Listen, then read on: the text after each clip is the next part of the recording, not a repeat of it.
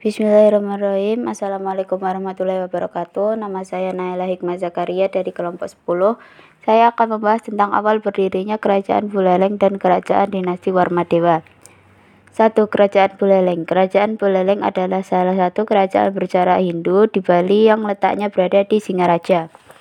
Kerajaan ini berdiri pada sekitar abad ke-17 setelah seluruh wilayah Bali utama yang sebelumnya dikenal dengan nama Den Bukit Brazil disatukan.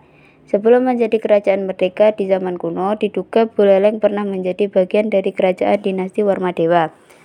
Pendiri kerajaan Buleleng adalah I Gusti Anglurah Panji Sakti dari Wangsa Kepakisan.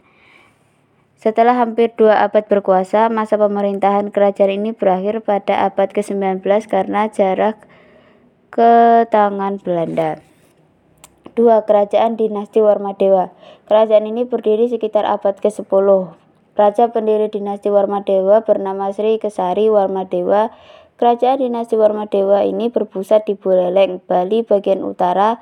Letaknya berada di pesisir menyebabkan kerajaan banyak disinggahi kapal-kapal dagang dari Sumatera dan Jawa. Sekian, terima kasih.